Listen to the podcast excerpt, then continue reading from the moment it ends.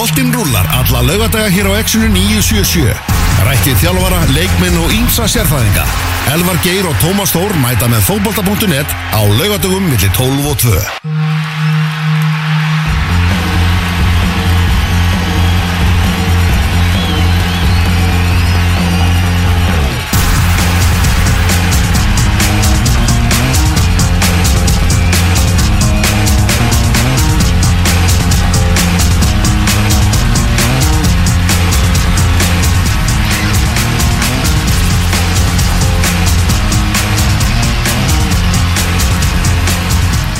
Já, góðan og gleðilegan daginn, það er lögadagurinn 19. mass og útastátturinn fótbolti.net er komin í loftið, Elva Geir og Tómas Þór með eitthvað til klukkan 2 í dag Það er innan við mánuður í bestu dildina Pældi því, Tómas? Wow, byrju, það eru 20, eru 30 dagar, 29 dagar Ah, Það er rosalegt Það er rosalegt 18. apríl ah. uh, Er það ekki tverði í páskum að þessu sinni eða? Jú, þá er, þá er opnuna leikurinn í þessu Mm. Það menna, ef þið lítið út um gluggan, þá sjáum við það bara fótboltin er handan við hotn Já, þetta er bara að segja sér sjálft Ég menna, fagur hvít jörðin býður hér eftir að bestu leikmennir í bestu deildinni brokka inn á bestu vellina og við förum á stað með deildina sem að skiptur okkur svo miklu máli. Nákvæmlega, 11 félög á Íslandi orðið Íslands meistarar í sögunni. Þau eru öll með í bestu deildinni. Mm. Og svo far leiknir líka að vera, vera með. Þetta minnir mér svolítið Þetta minnir mér svolítið á fyrirsök sem ég skrifa á, á mokkadöfum mínum um álfukeppnina 2013 held ég fyrir háum 2014 Það var alveg ógæðislega sterk keppni. Að hérna, því að Brasilíumenn voru að fara að halda þetta og hverju voru ríkjandi heimsmeistarar á þeim tíma 2010 uh, hérna, náttúrulega. Já. og þeir voru reynda líka eurumeistarar þannig að Ítalir voru þarna sem þú veist það var alveg fáranlega stert sko. þannig að þetta voru fyrirsögnin var held ég sko 6 Nei, 7 af, 8, nei, 7 af 20 bestu liðum heims og Tahiti sem, sem voru þarna sem eigi álfu mestarar eða eitthvað anskotin sko. Leiknir að Tahiti Leiknir er Tahiti sko, sem Já, er ekkert slæmt sko. Nei, alls ekki. Það er rúglega geggjaður á Tahiti Já, já, alveg, alveg potið mál sko. uh, Hannes Þór Halldórsson, hann verður ekki með í bestu deildinni Búin að leggja hanskana á, á hilluna Tilkynnti það núna í, í vikunni Og hann ætlar að koma til okkar eftir Já, laði bara landslýshanskana á eh, hilluna fyrir eh, nokkrum einhverjum mánuðum síðan svona uh, snemma hösts á síðast ári í dramatísku viðtali eftir, eftir, eftir landsleik og það verður að segjast að við vorum búin að plana þá. Þá höfum við samband við hann uh, rakleiðis samstundis, simleiðis það er þetta á Facebook og báðum hann um að koma í, í svona uppgjur á landslýsferlinum, bara algjör mm. drotningavital þar sem við ætlum að vera með mikið húlum hæ. Ætlum nú samt að leifa bestu deildin að klárast þar sem að valsmennu voru nú í svona smá brasi þar og kannski ekki alveg mómentið til. En svo þegar að koma að þessu og þá var hann jú rekin frá val. Samkvæmt sko samfélagsmiðlum en náttúrulega ekki alvörinni. Fekk hann að glæsilegan starfsloka samning þannig að þetta einhvern veginn svona tegðist og nú er hann bara hættur. Já. þannig að nú þurfum við að gera upp allan fyrirlinn á klukkutíma og gangi okkur vel með það. Já, nákvæmlega. Uh, Sæbjörn Stanga heyrði hérna í, í Gumma Reyðars í, í vikunni. Mjög skemmtilegt viðtal. Verulega. Já. og setni hlutina ég mitt byrtist í, í morgun. Alveg hrikalega skemmtileg stöf þar sem að Gummi Reyðars er að tala um svona tvö defining moment á hans ferli. Annars vegar uh, hvort að því að munið hvað við vorum ánæðir eftir fjögur fjögur jættibli í Bern brjálaðið í Bern það sem á svona þetta upphófst. En eins gaman þá fyrir okkur sem vorum að horfa á þetta og þrenna hjá Jóa Berg að þá var það mögulega samkvæmt Gummi Reyðars mö- moment þar sem hann er að geta mist stöðu sína að því að meina við skoruðum fjögur skoraði Sviss náttúrulega líka fjögur Já. og svo náttúrulega hitt stóra mómentið þegar hann uh, svona var næstu búin að henda leiknum gegn Austuríki í, í ruslið en náðu svona að bjarga því sko. Þannig að spurum hann kannski líka hans sjálfan út í þessi tvö stóru móment Nákvæmlega. Hann kemur hérna um eitt leitið að fyrir klukkutíminn Hann fer í enska boltan, enska ringborðið Og hingaði mættur okkar maður Kristján Alli Ragnarsson, velkomin Kristján Alli Já, sælir. Og takk fyrir hérna Takk fyrir þessa staðsetningu á, á, á ringborunni núna. Mér líður svolítið og grínistanum sem er sendur út á svið til að hita upp fyrir Metallica. Já, Það nennir engin af 20.000 manns í höllinni að hlusta á einhvern grínistar. Það er allir að býta Metallica en, en, en takk. þetta er samt sko ekki öfugt þú hefði getað komið, þú hef, við hefðum getað látið taka hérna 200 snakkspýta á eftir blóttongeng skilur, ef þú hefur verið setni klukkutíminn, þú veist þá var allir bara, já, Hannes er búinn búinn. Já,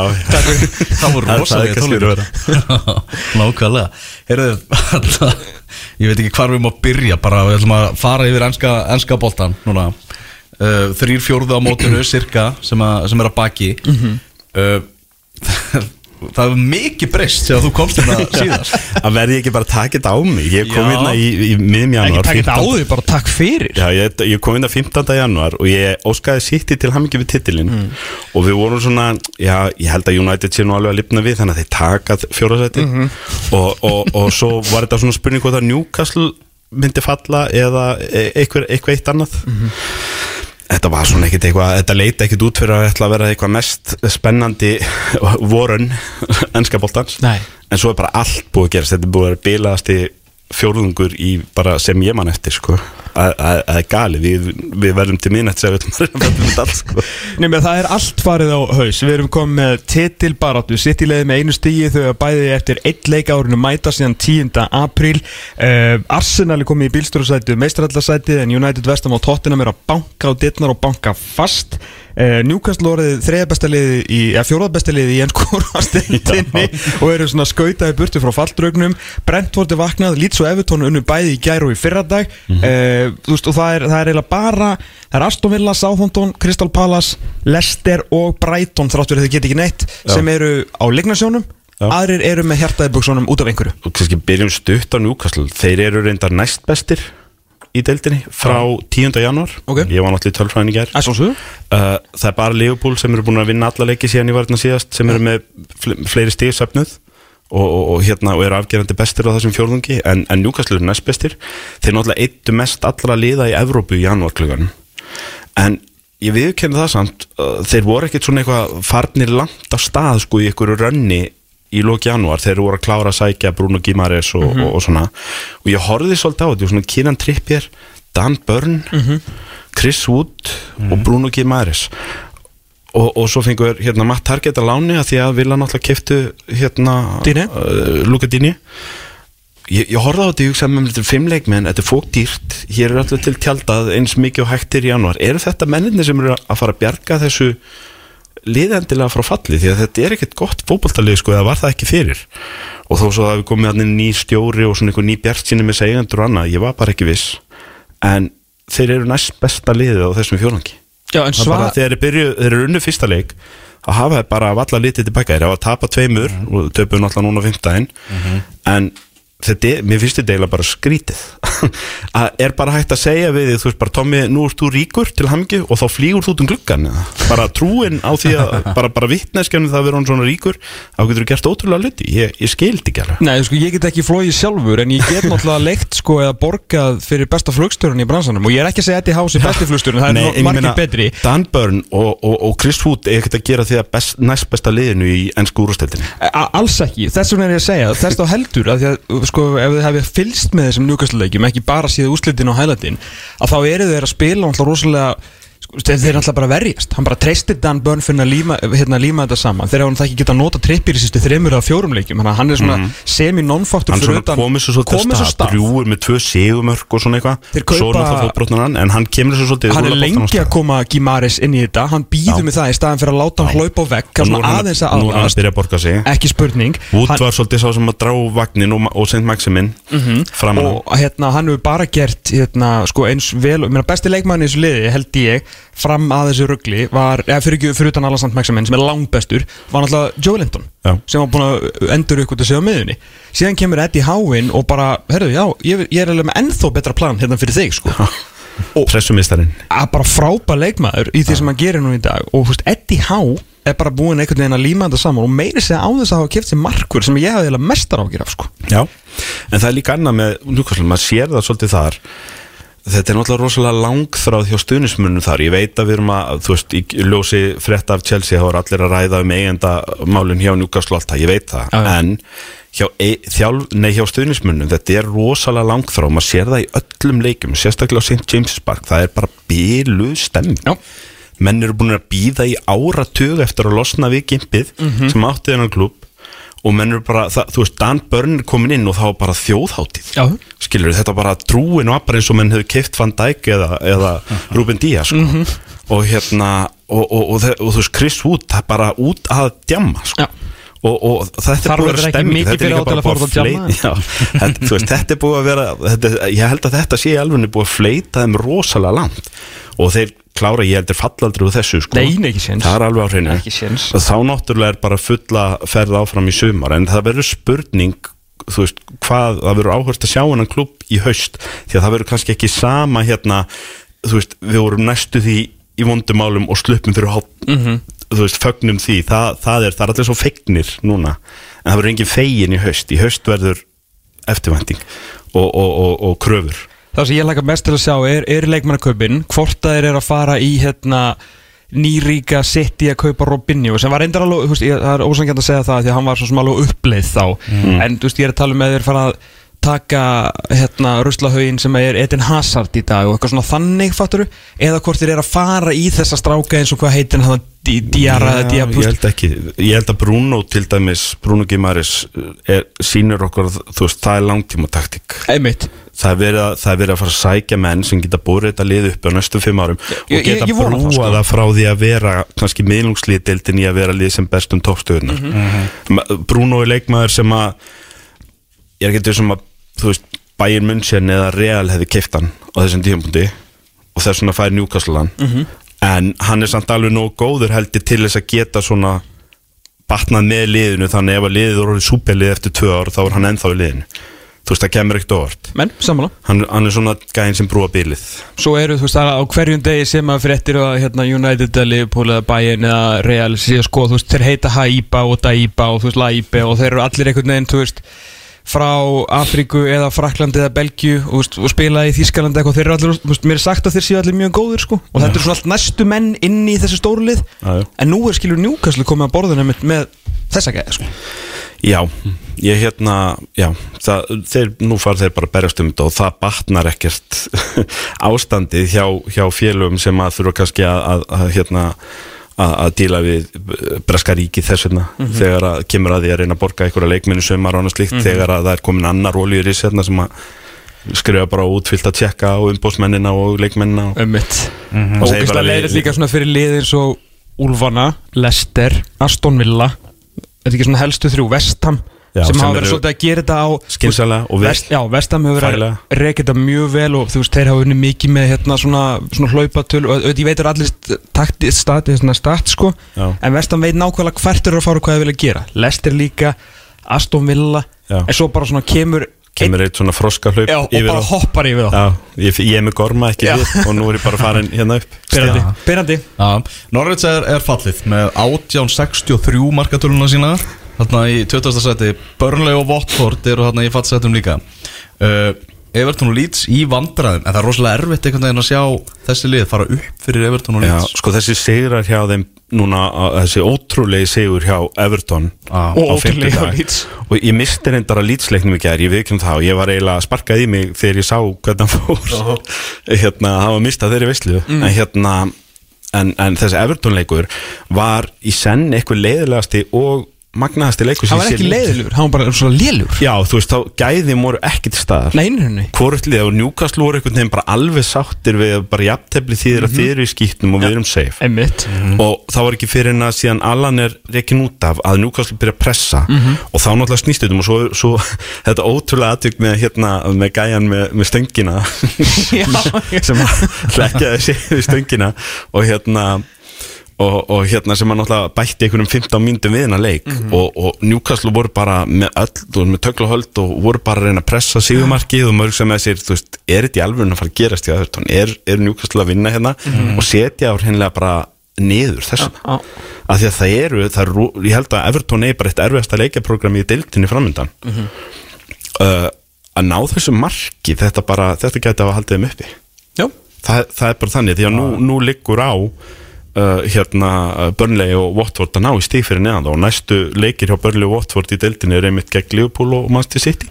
Ég myndi líka hvað ræðan var auðvildari fyrir Lampartinu Klefa sem sæði hérna haldreipið hans eftir Já. hérna tapið og gegn tóttina var bara við eigum fullt af heimaleikjum eftir og vinna svona heimaleik. Þú veist hann kemur bara inn í Klefa og segir bara þetta fólk hérna er að fara að bera okkur á vangjum áfram í þessari deild. Já, þetta er líka þýði það, ég menn eins og í þessum leik þarna á fólk byrja að baula á það eftir korter. Þa, það verður ekki næsta leik. Þetta, þetta breytti svona miklu. Nú, erum, nú held ég að nú rói allir í sömu átt Já. hjá, hjá Ágútisson og hjá klubnum og maður hugsa líka um það sko þú veist, þessu Watford að vera að sína batamerki eftir að Hodgson tók við. Burnley hafa sínt lífsmark eftir áramót. Á meðan að Everton eru bara búin að vera það lélasta sem ég hef séð til Everton síðan að- ég hérna bara mann eftir mér. Samanlega og Everton hafa samt aldrei dottið þarna niður í bottom 3 sko. Þannig að maður á rosalega þú veist, ef þetta er að versta sem er í bóði hjá Everton og meðan hinir eru að bæta sig og þeir eru samt fyrir ofan og þá sé ég ekki hvernig Burnley og, og Watford náðum og, og eftir sigurinn í gæra getið sett það sama um Leeds. En hvað veit ég, ég var hérna fyrir tveimum mannum og held þetta að vera búið. Tva, Ég er með tvær spurningar um, um hérna, rivals fyrir þig. Og svo fyrir kemur hér að við erum að tala með Evertón það er svona fyrir þá veist, fyrir þannig einu hlustanda sem veit ekki að þú ert mikill liðbúl maður Er þórðaglegin það mikið? Viltu sjá þá niður bara til að hlæja á kostnað þess að missa mörsinsetslægina sem eru A. skemmtilegir B. gefin 60 þegar hafa verið gefin 60 undanfarið, já uh, hérna þú veist, ég, hef, ég hafði ekki sterka skoðun á því. Mér var, mér er eiginlega alveg sama með Everton, ég, ég svona hérna, að því að maður kannski elst upp sko, Everton voru náttúrulega líka já. annað á, hérna í den, en ég er svona að mista því, ég er of ungur fyrir það, ég byrja að mun eftir mér svona í kringum 89-90 svo, svo mér getur staðsett það hvað ég er að tala um. Mhm. og, og, og nokkrum árum eftir að Everton svona kannski hætti að keppa að Liverpool titil og svo náttúrulega stimpluðu Liverpool sér sjálfur út í 30 ár. Hérna en sko þannig að jújú jú, þegar maður fyrir borgarna sem ég náttúrulega gert margóft þá finnur maður fyrir þessu fyrir þessum rík. Og hann er mjög svona skemmtilegur frekar heldur en eitthvað toxic. Sammála. Og það er öðruvísi þegar að United er hérna annars vega sko. Að þá, þá finnur maður fyrir einhvern veginn meiri bræði en þegar þú kemur til borgarinnar þá getur þetta alveg orðið veist, hat, hatri meira sko í garða Evertón finn ég heldur og, og mér eldri leifbólmenn hérna á landinu til dæmis eru heitari oft gagvart Evertón heldur en ég. Þannig að ég oft svona hugsa með mér ok, sögulega, það er eitthvað þarna sem vantar að því að ég er of ungur þó sem ég sé vera gamall og hérna til að muna þetta en, en, og svo náttúrulega síðust árin hefur maður meira bara svona vorkent Evertón og geta hýðað ég mann síðastir í fóru á Evertón leik sko, þeir syngja alltaf á hverju ári sama lagi, þeir syngja Tell your ma, your ma uh, to wipe away all your tears no trophy for 30 years. Tell your ma, your ma. Og svo bara bætist við eitt ár þannig að maður kemur á næsta ári á leikin en, en sko ég hafði engar sterkar skoðanir á því. Þanga til ég áttaði með á því ég, ég var að tala við pappa í vikunni og ég sagði með hann, veistu það? Leopold gæti unni titil og Everton falli í vor. Og ég segi hann þá, þá ætlum við bara að hætta að horfa á henska, þá fer ég bara með þér í þegar þetta er búið, þetta verður ekki þá. Þannig að nú Ok. langar mér svona lúmstíða sko. Ok, mér langar að segja að gera til að hafi gest einu sinna svona strika það bökkillistan Já. Ef þá fara jafnvel bara hinum meginn í, í borgina? Uh, Sjóðheitasta liðið í ennsku úrvalstildinni sem að var einhvern veginn, ég ætla ekki að segja búið að stimpla sig út til að City verðlega bara búið að stimpla á sig titilinn en svo gerist eitthvað Liverpool í staðin fyrir að fara í eitthvað svona mók eins og kannski á svolítið saman tími fyrra Já. þá fara þeir þvert á móti Já. ka- kaupa eitt stykki Louis Díaz hjálpaði til. hjálpaði til eru svona semi með alla heila og bara nýju röð að halda sjö sinn reynu og þetta er hvað var þetta í heldina með öllum keppnum árinu töpu fyrir Inter 14-15 leikir Já, kurslags Einhver, já.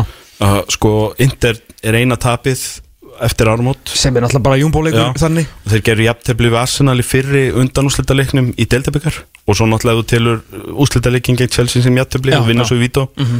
Að alla aðra leiki hafa þær unnið í öllum keppnum. Og konur í áttalúslit búin að vinna Deltabikarinn og, og hérna og áttalúslit í byggarnu líka. Og hérna voru að dragast nokkuð þægilegi gæra mútið Benfica svona pappir allavega. Er ekki svarið bara mjög einfalt það sem allir eru búin að segja frá skiluru hvort sem sé sérfræðingar á, á Íslandi, Englandi eða Babylon? Það er bara loksins breytt.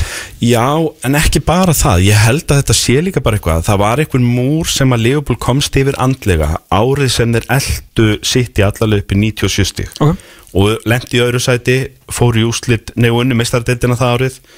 Annar árið í rauðsegir fór í úslit uh, þar, þú veist, þeir töluðu svo mikið um það þá að, að þeir síndu sjálfum sér þetta er hægt og við erum með gæðin til að gera þetta. Þessu trú fleiti mönnum rosalega langt.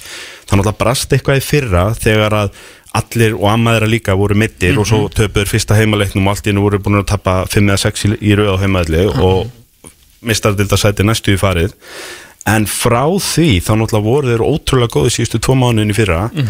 Og í ár þá voru þeir alveg góði líka. Þeir voru bara ekki þetta súpegóðin og það sem að sitt í gerði var þeir unnu 11 í röð eða eitthvað 11 að 12 áður en að þeir loksins gerði jafntefli.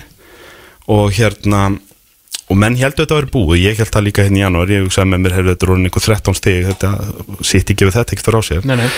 En maður glemdi því svolítið að það eina liðið í deildinni sem maður getur náðum er Liverpool og maður hugsa með þess að þú er búin að vinna 12 í röð þá myndi ekki vinna endalust það er ástæð fyrir því að metið er eitthvað staðar þar sko, þessi bestu liði í sögunni hafa aldrei farið eitthvað mikið yfir 11, 12, 13 sigurlíkir röð. Og En, en Liverpool eru færir um að gera það. Og Liverpool gætu alveg unni 2-3 viðbót en eitthvað tíman fljótlega munir að tapast til nú eru þetta orðinni nýju leikir á Liverpool og maður veist, þeir eru ekki að fara að vinna næstu nýju líka til þess að klára tímplið þeir Mhm. gera það bara ekki. Og þú veist, það gera það engin uh, en þeir eru bara búin að gefa sér sjens aftur. Og það er ekki til þess að City hefur hruni á sama tíma en Liverpool með því að vinna þessa leiki er búið að saksa tíu stig á þá og svo leikin sem þeir áttu inni.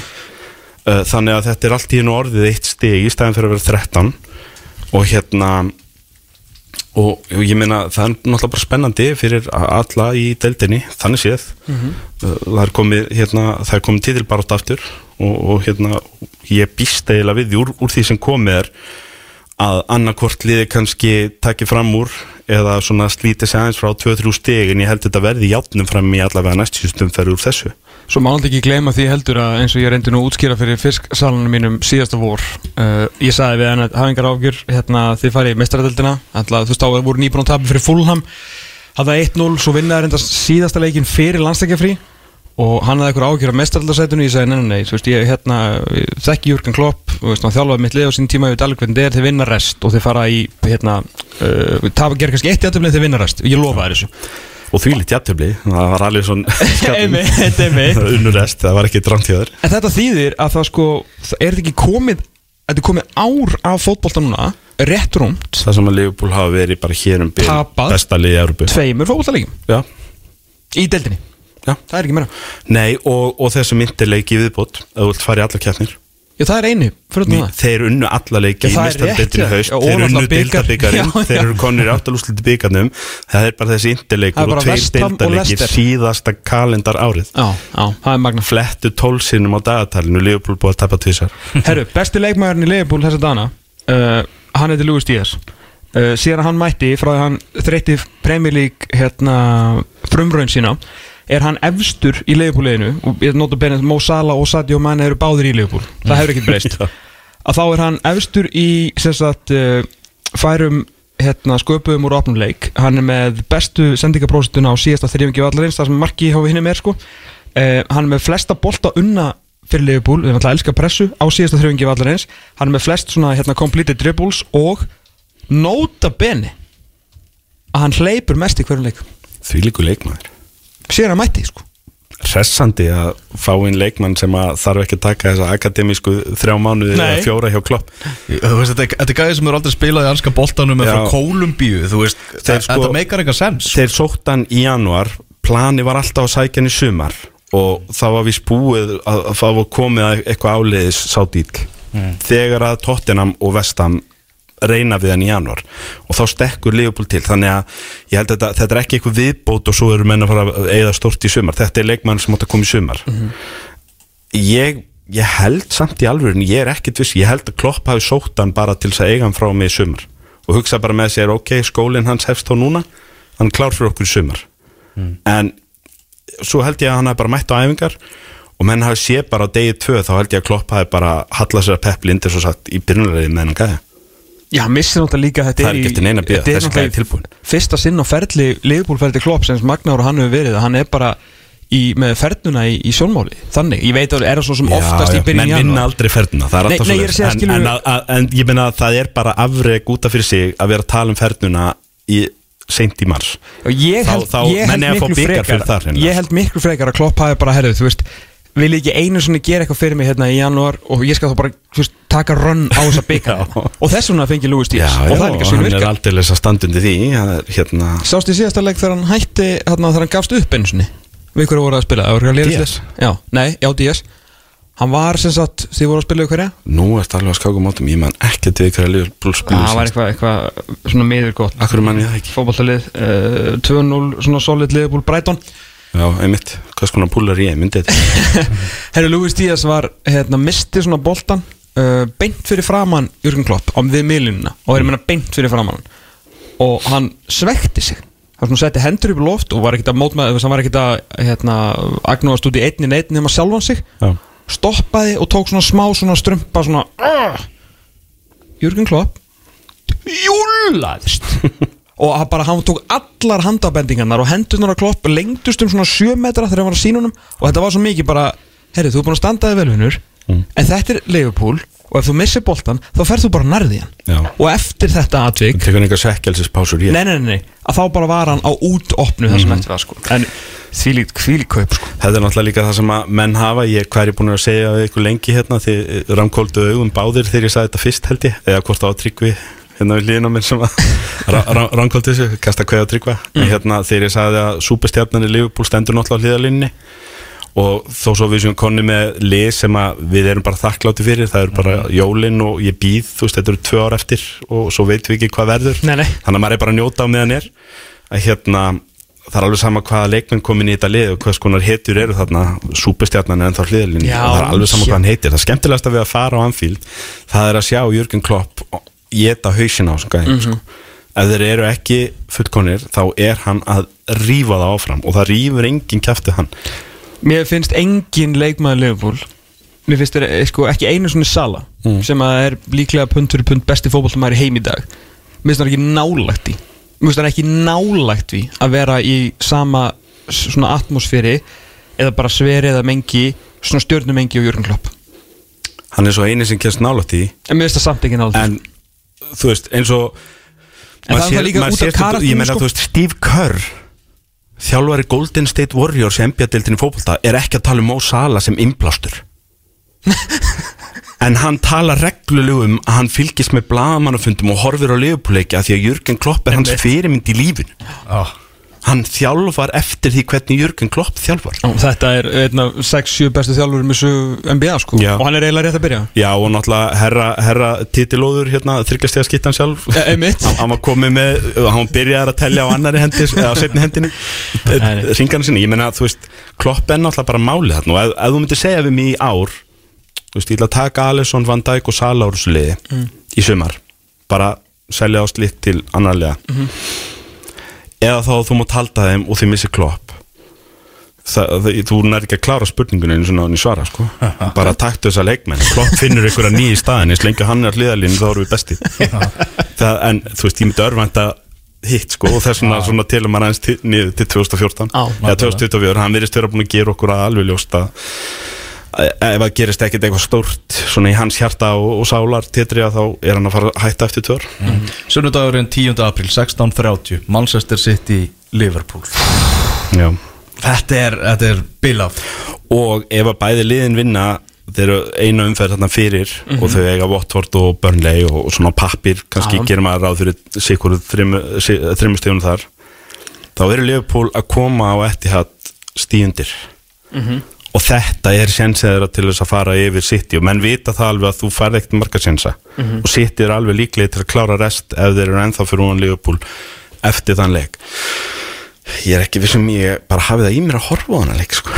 en, nota bene að þrátt fyrir að hérna sko þetta verður nýju dagar þú veist svona to remember sko að hérna því að þetta er 10. apríl er sitt í liðhúl á heiti hér og svo þrátt fyrir að sé þokkaleg gjá á milli þings og þjóður í dag á milli Liverpool United að þá er samt Liverpool United 19. sko Mhm. það eru nýju dagar og er ekki meistardeildin á milli Jú Jú. ég held að Liverpool sé að vera til Portugal og, og City fá uh, Atletico de Madrid mm Mhm. -hmm. og með þess að Á United. Arsenal hann helginni á milli sko hann að þetta verður svo United hefur örglega Europadeildarleikana líka ha, ég faraði í Europatið nei, nei, þeir voru dotnir út. Nei, Það er við eru að Atletico var að sláða út. Já, alveg. en- þannig að þeir eru ekki Já, ég Europa er 16 úrslinn farin nei, ég, ég, bara, ég, ég vildi bara hafa þetta á hreinu. Fara- United ekki- eru fara- ekki Europakeppni Fara ekki sambandsdeildar okay. það? okay. það var enda geggja hvernig var það, já, menn dropp gerir þetta ennþá meira pyrrandi þú tapar í 16 lústum í sambandsdeildina sem er þetta mikill heiður það er frábæð del sko. Já,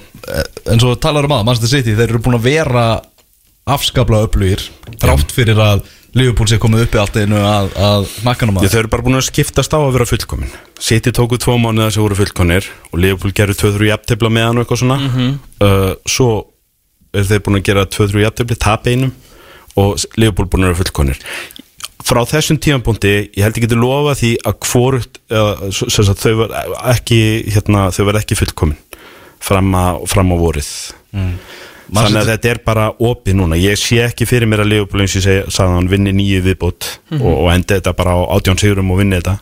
Ég sé heldur ekki fyrir mér að sitt í taki næstu nýju en af tvennu þá myndi ég halda að það væri líklega því að þeir eru búin að vera að hyggsta að þeir laga sig. En Liverpool eru svona berjast við að halda rönninu gangandi það er kannski erfiðara.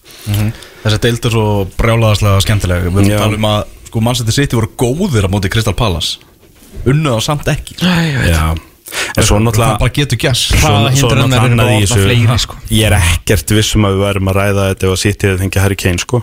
Nei, ég, mér langaði svona að fara í ef og hefði Það spurningu er á það sem Liverpool hefur í dag. Ef við getum hort á, veist, stjórarnir flott, uh, þú veist, jafntefli þar Markverðir, geggjaðir. jafntefli, bara sarnir tveir þú veist, tveir bestu í deildinni, mm -hmm. varnirnar geggjaðar, miðjan, geggjuð, Einmitt. byggjum báðum. Liverpool er með betur sóknina í dag. Það er að segja, þeir eru með fleiri menn sem kunna pota boltan mjög lína oftar. Og það er að hjálpa þeim svolítið núna, sérstaklega þegar þú veist, Sala og Mani fóru, þá bara bara djóta þetta uppi og svo hérna, fyrir mín og farin að skora aftur núna og Sala mættur aftur og það er nóga mönnum sem skora hjá Liverpool. En ef að fréttinar eru réttar þá getur svo umræða verið farin fyrir lítil í sumar síðan. Þannig að kann- kannski er þetta góður séns hjá Liverpool að vinna þetta núna þannig að ljósæri normaðurinn mættir þarna í sumar. Að það er náttúrulega Jésús Kristur. Einmitt, Jésús Kristi hérna, það er nefnilega málum með þetta sittilið sem er svona borderline fullkomið þegar kemur að hérna, 80-90% af leiks, leiknum sko, síðan getur svona geta hluti gerst. Eins og Karagir bent á núna á, í vikunni að það er fjóru svona gerst á tímbilina að City hefur ekki skorað. Á meðan að tvisar svona, nei einu svona fyrir gerst að hefur ekki skorað. Og það er svona svolítið munurinn og eina ástæðinu fyrir því að Leifupúl er búið að- draga sig aftur inn í þetta. Mhm. e, það, það er svolítið svona skrítni í þessu er sko að hérna Raheem Störling sem var náttúrulega bara döður á grafinisli hann er með tíu mörg í deildinni. Já. og Riyad Mahrez vissulega eitthvað á vítum hann er með tíu mörg Mm. 20 mörg komið frá mönnum sem að sko Riyad Mahrez er náttúrulega bara varamaður í þessu liði. En Störling hefur yfirleitt skora meira en þetta. Já en með við hann spilaði ekki fram í november sko. Nei, nei, nei. Og svo náttúrulega missaður Ferran Torres mm sem var á leiðinu að verða markaskóri já, já, hann, hann átt að byrja en svo náttúrulega bara meiðist hann og, og, og Pep finnur ykkur aðra lausnir og svo Hann að vill hann bara frábær bassa fyrir, frábær fyrir bassa núna síðustu leikir sko. frábær leikmaður. Það er góður mögulega seldu þeirra nú snemma svona ef maður hugsa um peningavaljú en, en þeir kannski hlustu svolítið á hvað leikmannu vildi það En þú veist, Benito Silva 7, De Bruyne 9, Foden 7 Þetta er að úr öllum áttum En síðan, þú veist, eina nýjan sem var reynda að fara að spila eins og 7 Já, ga, Gabriel Jesus, sko, sem er náttúrulega síðan dottin út úr þessu. Er, en svo náttúrulega samanskapi er ekki nýja hjá Liverpool? Þetta er svolítið svona Ég náttúrulega goalbike- spil ekki með hefbunda ný Nei, ég er segja, þetta er svona meina, bæði Já, sko. þú getur ekki tekið held ég Lewandowski endilega Harry Kane og sett inn í því að þeir spil ekki þannig. Og það er náttúrulega, við höfum oft talað um það það er það sem að menn vannmet alltaf með Roberto Firmino. Það sem hann gefur Liverpool þegar hann er frammi Mhm. að hann er ekki aðna til að skora mörkin. Hann er aðna til að leiða öllum í kringu sig að spila og opna fyrir þá. Mhm. ég, uh, ég, ég veit ekki sko ég sé ekki vandamáli á City eða þú veist það er svo augljóst vandamál það þarf ekki að þjálfa, það þarf ekki að breyta um taktík það þarf ekki að gera neitt, það þarf bara að sækja nýjuna. Og ef að fréttunar eru réttar þá eru aldrei svo að sækja hérna allra mestu nýju í sumar. Og ef þú bætir, ef eins og þessi mörg sem þú taldur upp frá leikmönnunum sem ættu að vera í kringum nýjuna Mhm. og bætir nýjunu við. Jésús Holland sjálfum. Þá, þá hérna. Það var eins gott fyrir Liverpool að vinna þetta bara núna. Já, ég menna, já, það er séns. En við höfum svo sem sagt það er Liverpool. City er einhvern veginn alltaf Við erum alltaf óyfirstíðanlegu múr á haustin. En Liverpool hafa klifrað það nú samt einu svona tvisar Nákvæmlega. Ef við förum aðeins í barátunum um, um fjórðarsætið Má ekki segja kannski að Úlfandir hafi stimplað sig útdeila í, í gær með þessu, þessu tapi. Þeir eru er svolítið- er síðan, sko. Þeir eru svolítið fastir hann í 7. og 8. Já. sætinu Þetta er þrjú, þrjú töp í síðustu fimm og þeir bara, þeir sprungu liminu. Minn maður Hósi Sa uh, hann, svona, já, hann að hvarf fyrir fimm leikjum síðan. Já. annar strákur sem að handlaði ekki 38 leiki. Það er ekki allir sem að vátt að segja á þessi delti 38 leiki, sko. Já. Max Kilman, hann gjössalega sloknaði hann uh, og Já, þetta bara þá kannski vantar líka svolítið breytt Þeir eru búin að keira svolítið á sama liðinu Og einhvern tímann hlaut þetta þreytast. Mhm. og, og það er rosalega effort sem fer í það að vera svona ótrúlega sterkir varnarlega og um leið og það dalaði eins þá var svona kannski ekki mikið eftir í þessu lið. Hjálpar ekki nýjan með að var að fá annað rauðarspjaldi sett á tímabilinu sko. Já, Alvöru Mexiko sko. Ráli mennis Já, en, hérna, en já uh, Er svona Er Arsenal það lið sem hefur kannski komið mest á óvart? Með allt og allt og auðvitað byrjun Já, náttúrulega eins og þeir byrjuðu haust þá átti maður kannski ekki eru í þessari stöðu uh, í fjórðasætinu og með leikið til góða í fleirtölu og, og bara sá gállin á þeim ég meina þeir búin að vinna fimm í röð á henni tappa fyrir Liverpool á miðgudaginn uh, líta bara feikilega vel út. Þetta var einn ein besta framistæða gegn Liverpool sem ég séð. Já. Já, á miðgudaginn, þeir voru virkilega flottir en náttúrulega Liverpool eru bara það sem er það sem þeir eru, þeir bara svona einhvern veginn drukku í sér pressuna og, og eru bara svona eins og stál sko, þú það svignar aðeins en það, sér bara momentin í þessum leik. Og svo resamenn það er bara moment. Já. það er bara hér komast í yfir. Nei, Alisson lokar. Já. Hinum megin þriði besti markmaður deildarinnar. Já, hann, og svo er hann mögulega eitthvað mittur þeir eru að tala um að Bent Leno var að hita upp fyrir leikin já. Og, það kemur á daginn að hann sér ekki í liðin í dag hann er mittur, þannig En- að mögulega getum við eitthvað afskrifa þá afsakaðan sko. En það sem ég er bara að segja skilur að þessi staðin fyrir að Arsenal komist í 1-0 seti Leifbóla aðeins upp í kalluna kemur, þú veist, Alisson fer ekki niður, býður á þess að ruggluðu vörslu á sama tíma besti leikmar Arsenal tímbilinu lætur tæka svo næstunginni. Já. Þú veist, það eru þetta, þessi litlu Þetta er þessi litlu moment, það er eins og Arteta komst vel á orðið fannst með eftir leikin hann sagði að þeir hefðu verið betri á milli vítatega.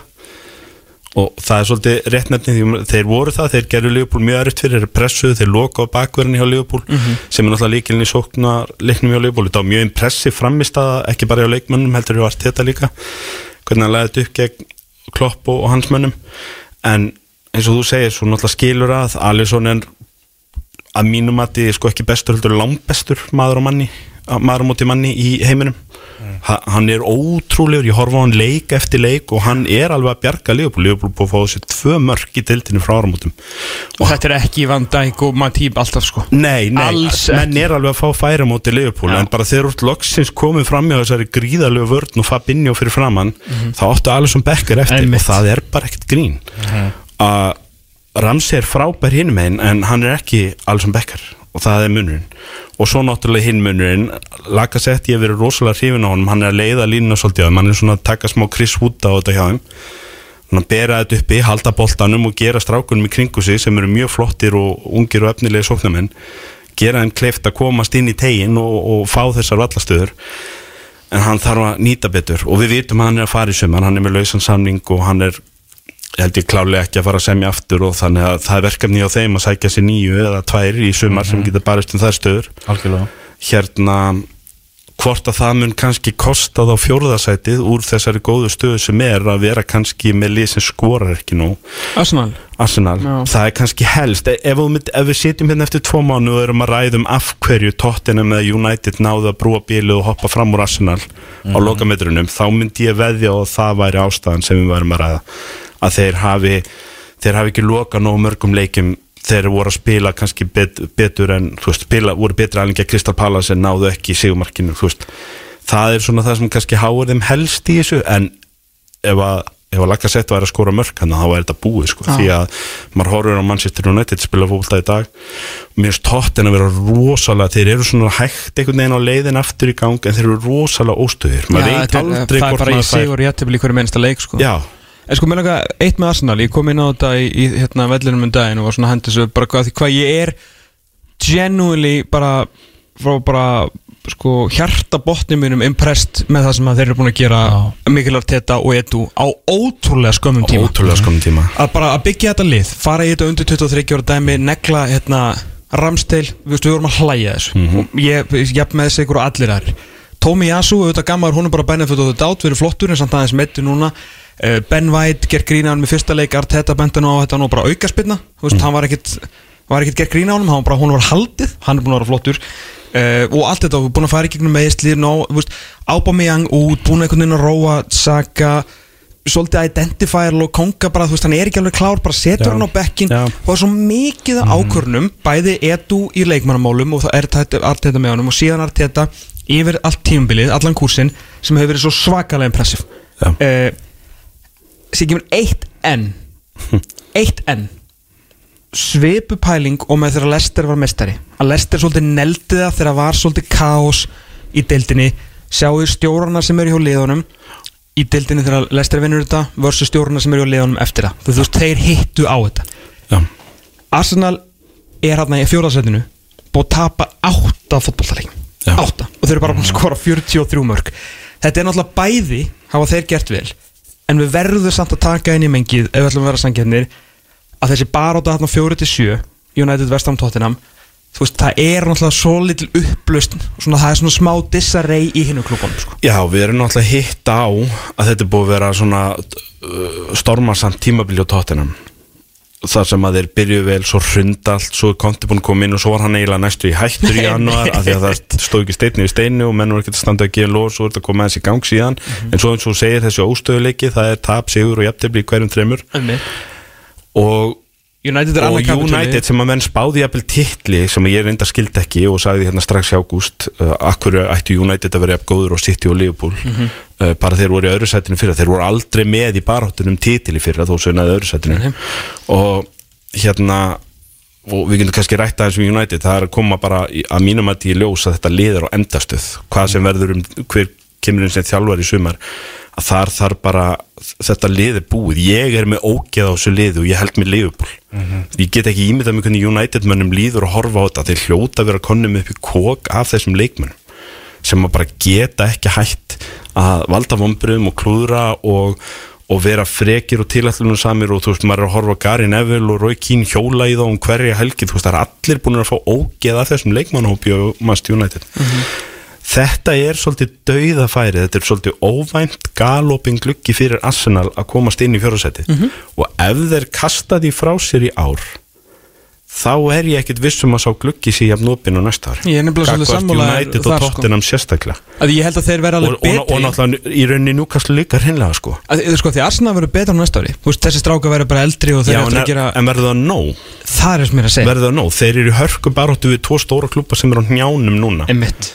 Hvað ef þessir stóru klubba standa upp og byrja að hoppa? já, hvað ef konti færa að kaupa tvo þrjá Já. leikmenn sem vill Já. hvað ef Rannik færa að taka til og, Þetta er tækifærið, ég held ef þeir klára þetta þá, þá náttúrulega er Arsenal stór klúppur og þá geta menn veifað mistaradildasæti framann í leikmenn í sumar og náði kannski tvo þeirra leikmenn sem að koma mennum jafnvel upp á næsta level og, og halda áfram að gera flotta hluti ef þeir gera það ekki þá held ég þeir muni sjá eftir því lengi ertu, að því ég var að spyrja með Everton áðan. Ég spyrja saman með United, ég var að horfa hérna hefur þið séð á YouTube hérna agree to disagree dæmi, þeir eru með bjórinn og færa hérna í agree og strong Já, ég sé aðeins. Já, það var City maður og Liverpool maður að rífast um hitt og þetta. Þú veist, Kompany og Van Dijk og Pep og, Gert- og Pep og Klopp og svona, og bara fínt sko. Og hérna svo kom síðasta spurningin.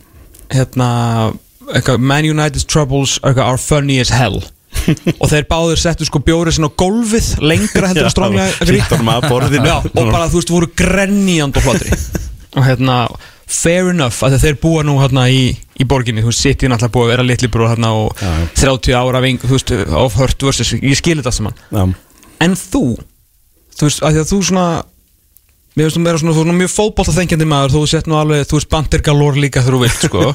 Það- Bandirinn er alveg aðna bara eins og ég útskipt fyrir ykkur. Ég hætti að reyna að hatturshorfa á já, já. þannig, að ég tekit ekki eins mikið inn að með en auðvitað glæst ég við því að United skul ekki geta neitt í Mér þú finnst það mjög gaman sko. Ertu ekki einu svona komin yfir í, þú veist, þú finnst þetta bara fyndið alltaf þegar eru að Ég dreg línuna við það sko. Ég hlæ og við Liverpoolmenn hlæjum okkar á milli Já.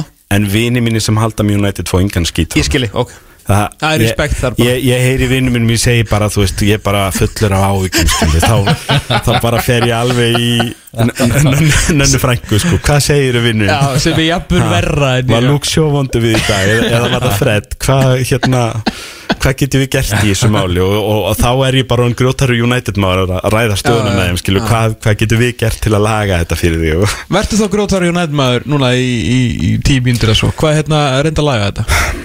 Greindu, greindu vandamálið og reynda að laga þetta. klúpur það er tvent sem þeir þurfa að gera. Já.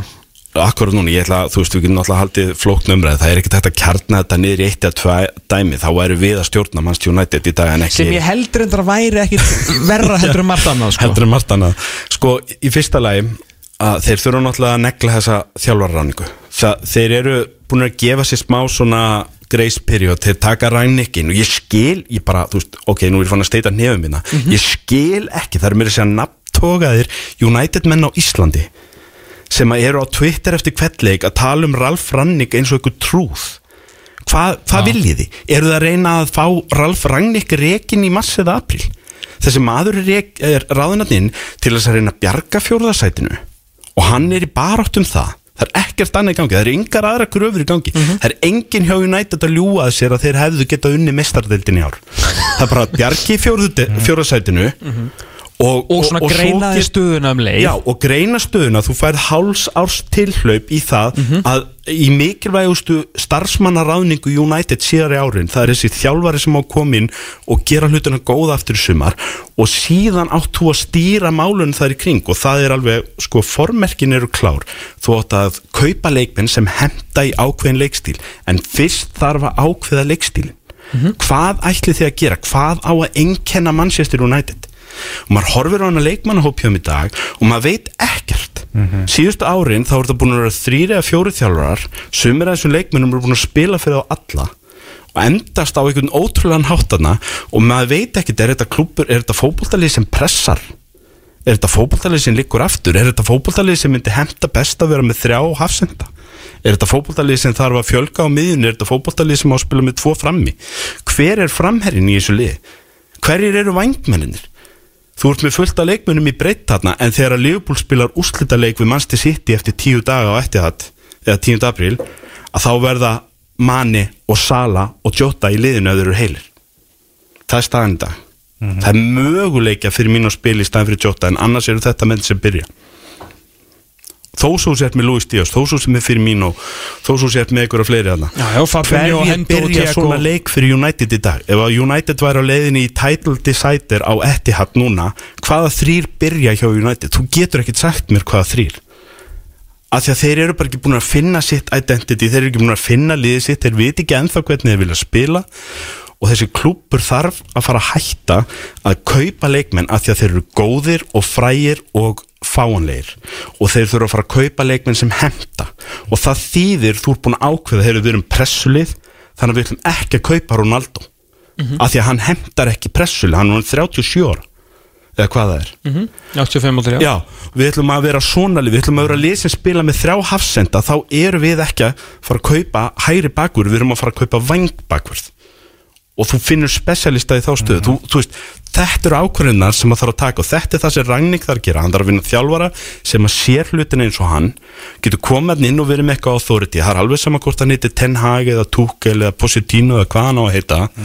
Sá maður þarf að koma inn og hann þarf að vera með Ragník og þeir þurfa að róa í sömu átt. Og þetta getur við sagt af reynslu leifbólmenn því að við vorum all over the place í ára tugi sko þangað til að klopp og þessi nýja leikmannastefna komin Michael Edwards og þeir undir eigendunum og, og þetta fór að gerast í sömu átt um leið og klopp mætti þá vissu allir að því að menn voru búin að horfa Dortmund spila fótbolta þá vissu allir, hafi verið að ráðan hann er þarf að gera þetta og nú erum við að fara að kaupa leikmenn sem passi þetta. Og hver einasti leikmann sem hefur verið keiftur hjá Liverpool á þessu tímabili sem klopp tók við passar í þennan leikstíl. Algjörlega. þeir hafa ekki keift einn benteki eða, eða Mamadou Sakho eða eitthvað og reyndað reynda tróða honum ferhindum í ringlaga gat til þess að passa inn í eitthvað sem hendar honum ekki. Þú ert að kaupa leikmenn sem passa í það sem Leopold er að gera.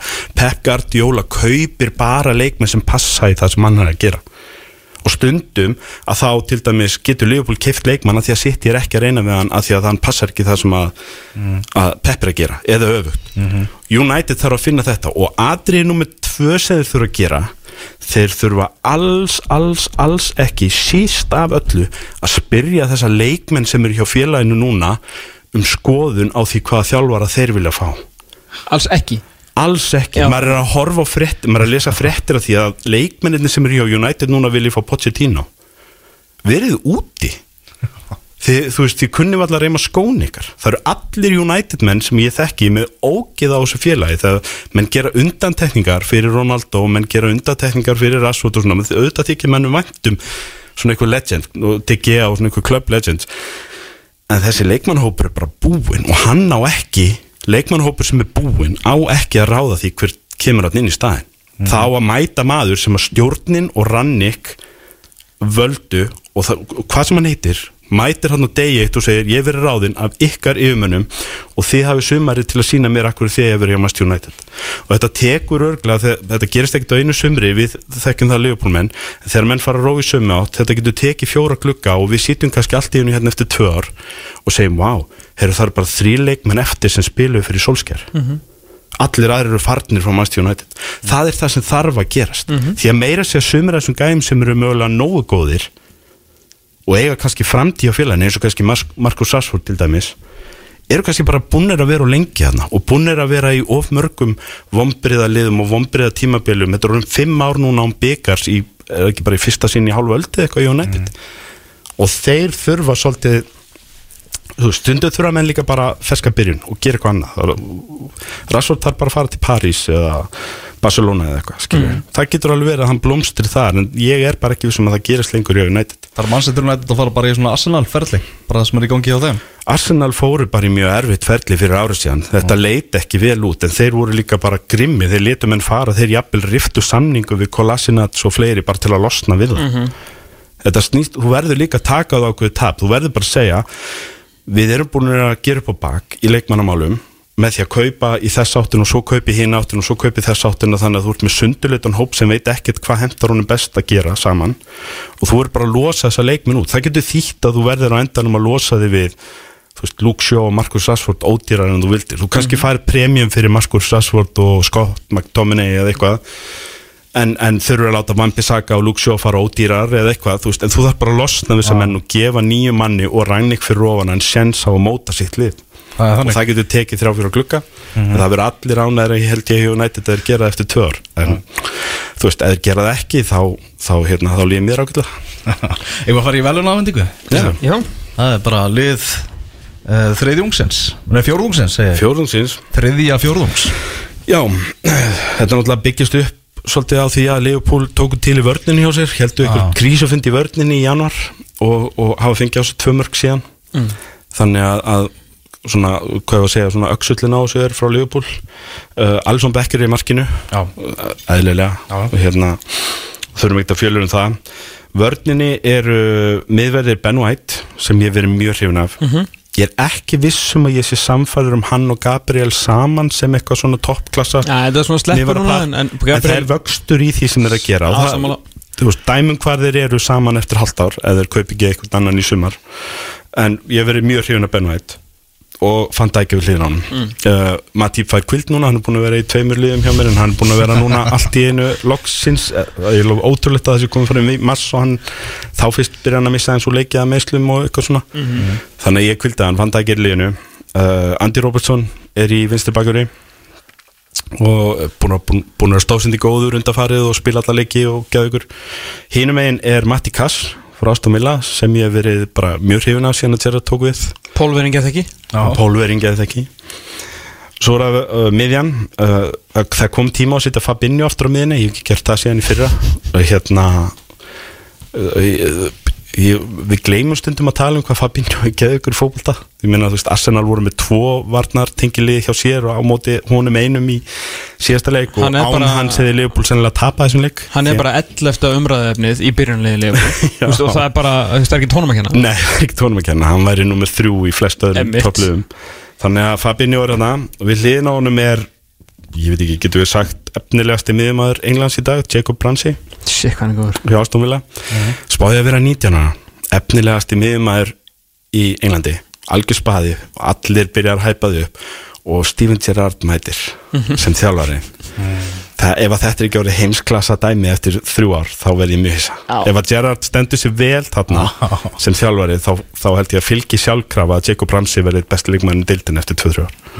Hann er rosalegt efni og svo Martin Öðegard sem að uh, svona er fánaberi þessara ungu stráka í Arsenal sókninni og hefur verið að standa svo, vel ég hef verið svo hrifin á honum að meira segja Arsenal stuðningsmenn á samfélagsmiðlum eru farnir að flagga norska fánanum alltaf á leikti sem er mjög gaman. Menn eru greinlega mjög peppaðir fyrir því að Öðegard sé þarna og hann er bara frábær.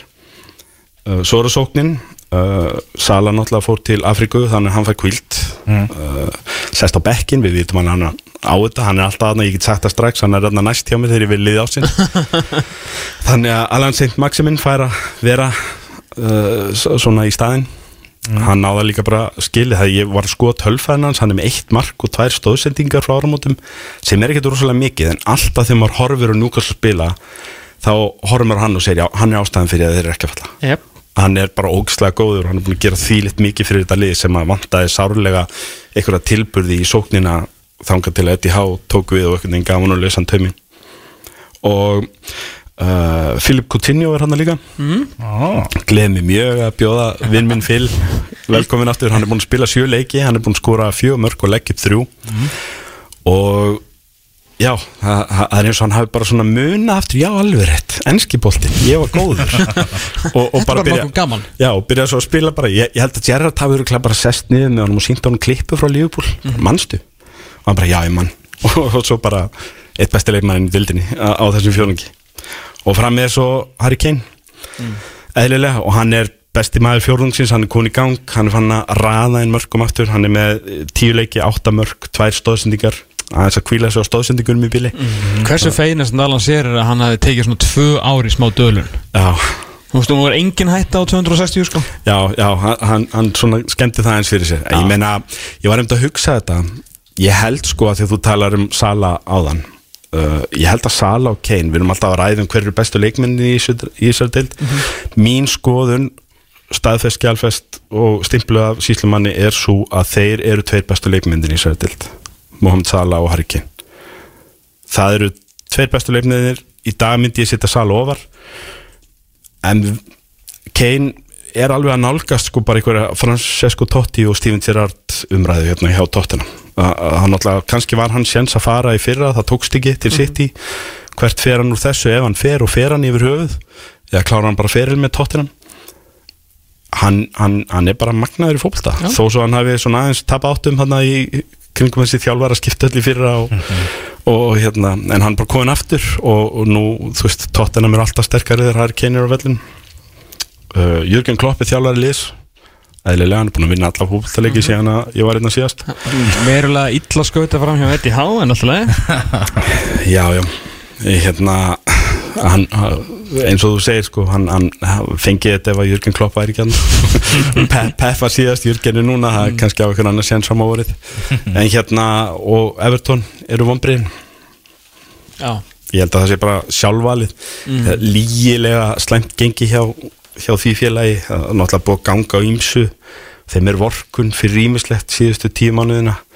Kannski sá enginn fyrir þegar síðasta leiktíma uppbyrja laug hvernig er þið með suma leikmenn í, fyrir sumar og, og hérna og náttúrulega með Ancelotti sem stökk frá borði óvænt og, og hvernig þjálfara leiti leitin eftir manni myndi ganga og svo hvernig þetta er allt búið ganga og svo Calvin Lúin búin að vera meittir við það er alls konar ástæður fyrir því af hverju Everton eru kannski ekki að standa undir nafni en, en guðminn almáttur samt sko þessi klúppur á ekkert að vera bara einni stóru tásu frá því að falla. Það er bara þannig. Það er bara þannig, uh, Kristján Allar Ræðarsson, takk hjálpa fyrir komin á Vanda. Uh, Geggjað uppgjör. Á Vanda uh, nú svo er það bara lokin, loka spretturinn uh, 10. apríl. Er ekki allir búin að merkja þetta með stórum rauðum hring? Stórum rauðum hring, seti þú, liðbúl þú ætlar að vera úti eða ekki?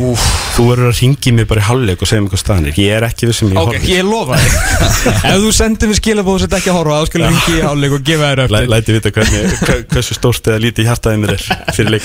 En 10. apríl er dagur dagan allan og svo núna fram á vorið. Kristján, takk hjá aftur drotningaviðtal, allra drotningaviðtal við kóngin í íslenska markinu Hannes Þór Haldarsson